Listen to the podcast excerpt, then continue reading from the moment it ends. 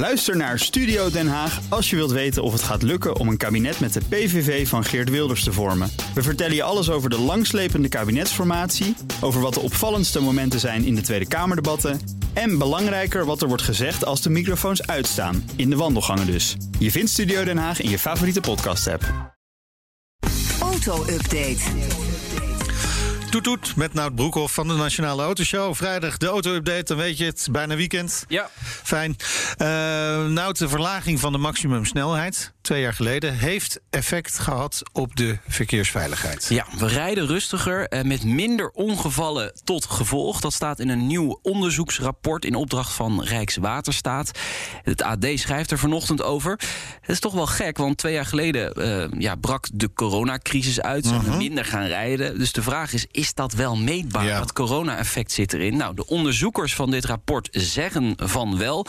Het zijn Arcades en Sweco, die hebben dat samen uitgevoerd. Die zeggen dat op snelwegen waar de limiet tussen 6 uur s ochtends en 7 uur s avonds naar 100 ging, daar daalde het aantal ongevallen veel harder dan op rijkswegen waar de maximumsnelheid onveranderd bleef. En op snelwegen met de verlaagde limiet vielen ruim de helft minder slachtoffers dan de overige snelwegen uh, waar uh, geen limiet werd aangepast.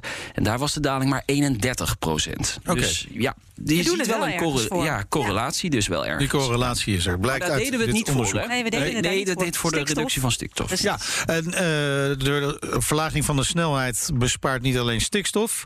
maar ook eh, natuurlijk eh, gewoon benzine en Ja. diesel.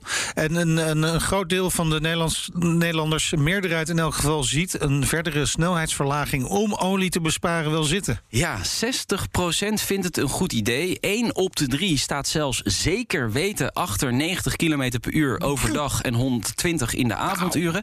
Dat blijkt uit een enquête van het ANP Local Focus in samenwerking met Kieskompas.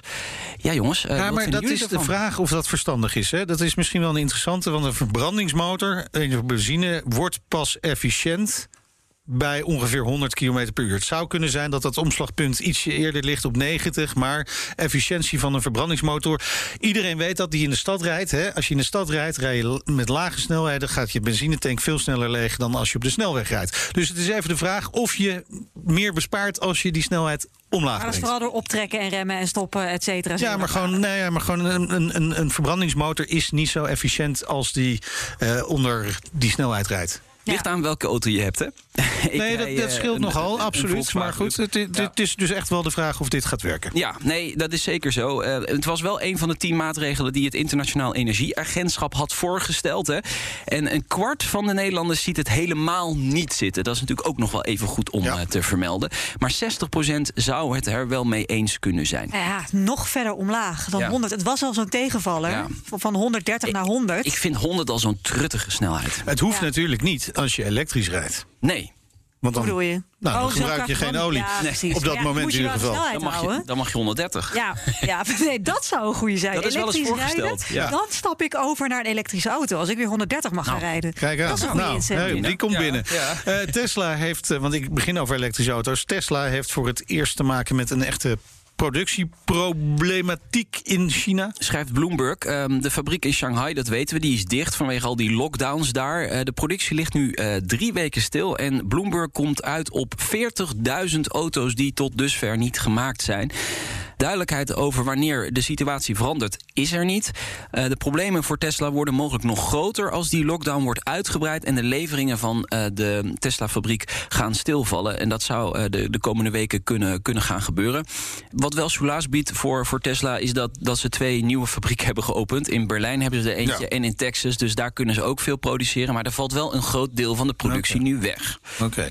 Dan is er een foto gelekt op het internet van de nieuwe Ford Mustang. Dat is niet Ja. de, de, de, de Mustang Mach-E. Nee, dit is niet de elektrische, dit is de echte ponycar. eh de codenaam S650. Hij smoelt weer lekker goed, lekker hoekig aan de voorkant. Jawel, jawel. Er waren wat mensen die, eh, die opperden namelijk dat, dat eh, de ponycar mee moest gaan in de ontwikkeling die de Mustang Mach-E heeft doorgemaakt. Maar ik vind, ik vind dit wel echt zoals die zou moeten. Jij twijfelt nog. Hmm. Ja, ik vind ze helemaal niet. Oh, ik vind die voorkant echt wel Mustang. Nee. Het is duidelijk een gelekte foto. Auto. Wat een slechte foto. Ja. Hoe, is dit, hoe is dit gemaakt? Nou, men denkt dat het vanuit een, een brochure is. eh Nee, maar is er zit, er, zit, er zit een bolling in de, in de, De motorkamp. En boven de, boven de wielkassen Ja. zit een bolling in die ik te veel vind voor Mustang. Maar Nou, goed, oké. Ja. Misschien te veel uitvergroot. Ja, nou, zou kunnen. Zou Ik zet kunnen, de- Zet de foto straks wel even eh, op bnr.nl slash Ja, maar we weten wel zeker dat dit echt de nieuwe Mustang is? Of zou dit een rendering van een of ander typeje kunnen zijn... die dacht van nou, op basis van wat eh, gegevens ga ik even iets elkaar knutselen... en dit komt er dan uit? Dat weet je natuurlijk nooit. Dat weet je natuurlijk nooit. Maar eh, wat we wel weten is dat de, de, misschien ook maar de helft van de auto, hè? de V8 eh, gaat er wel, wel komen weer. Geen 5 liter en ook niet atmosferisch, maar 4 liter met twee turbo's erop Nou, waarschijnlijk. ik wacht even op de echte foto's, denk ik. heel goed. Eh, de ID Buzz, die, eh, daar hebben we onlangs aandacht aan besteed... in de Nationale Autoshow ook, rijdt autonoom rond in Duitsland. Ja, Volkswagen eh, heeft een video op Twitter eh, gezet. ehm, eh, waarin topman Herbert Dies achterin heeft plaatsgenomen in de ID-bus. Die laat zich dus rijden. Die ID-bus is uitgerust met verschillende systemen: Ja. LiDAR, camera's, sensoren. Dus die kan de hele omgeving in de gaten houden. Zit wel nog een bestuurder achter het stuur. ja, ja. moet hè? Ja, Ja. om altijd eh, te kunnen ingrijpen.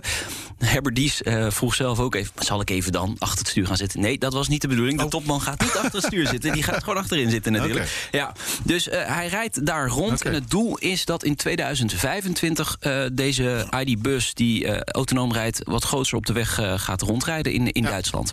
Dan gaan we nog eh, naar Ferrari. Boekt eh, uitermate goede succes in de Formule 1. En toen dachten ze, nou, weet je wat? We komen met een nieuwe raceauto. Die gaan we in ieder geval testen. Ja, dat is de GT3-variant van de 296 GTB. Dat is een auto die in de 24 uur races eh, rijdt. Helaas, einde van het tijdperk. Geen V8-motor meer, maar wel een lekkere, dikke 3 liter V6. Luister maar.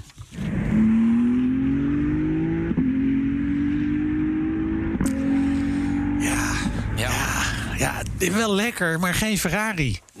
vind je? Niet Nou ja, dat, dat, dat ja. scherpe, snerperende geluid van de Ferrari, dat, ja. dat, dat mist hier gewoon een beetje. Het wordt allemaal zo één pot nat. Ja, nou, deze auto werd gefilmd op de testbaan van Ferrari. Is nog niet officieel onthuld. Gaat wel gebeuren, want hij moet in het volgende seizoen 2023 eh, gaan rijden in alle races. Moeten we maar even op, op een eh, cassettebandje zetten, dat geluid. En dan kunnen we het in de auto laten horen. Oké, Ja, of je kunt deze auto-update natuurlijk gewoon terugluisteren. boomer, zeg je dan. hey, dankjewel Nout. Vanmiddag om drie uur een nieuwe aflevering van de Nationale Autoshow. Vanmiddag. Uiteraard eh, terug te luisteren in je favoriete podcast-app. Maar ook gewoon live straks om drie uur. Ja. Hier bij BNR. De auto-update wordt mede mogelijk gemaakt door Leaseplan. Leaseplan. What's next? Ook Harm Edens vind je in de BNR-app. Je kunt BNR Duurzaam niet alleen live luisteren in de app, maar ook terugluisteren als podcast, zoals al onze podcasts. En naast dat de BNR-app Breaking News meldt, houden we je ook op de hoogte van het laatste zakelijke nieuws. Download nu de gratis BNR-app en blijf scherp.